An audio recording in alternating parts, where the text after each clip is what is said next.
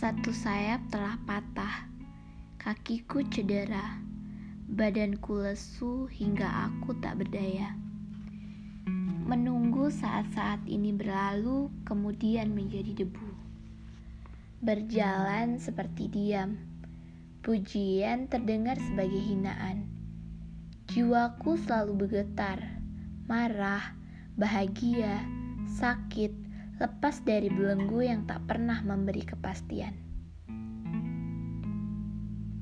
Sesuatu memang tak bisa dipaksakan jika itu tentang cinta.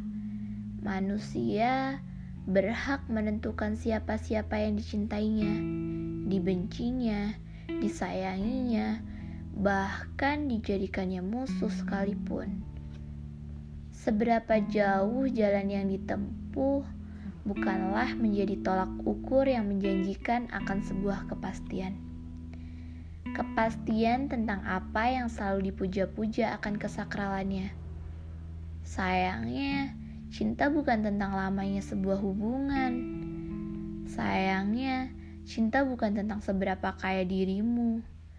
Dan sayangnya, Cinta bukan tentang seberapa hebatnya dirimu mengarungi lautan, tapi cinta yang sebenarnya adalah mereka yang tetap bertahan walau kapal sudah mulai tenggelam.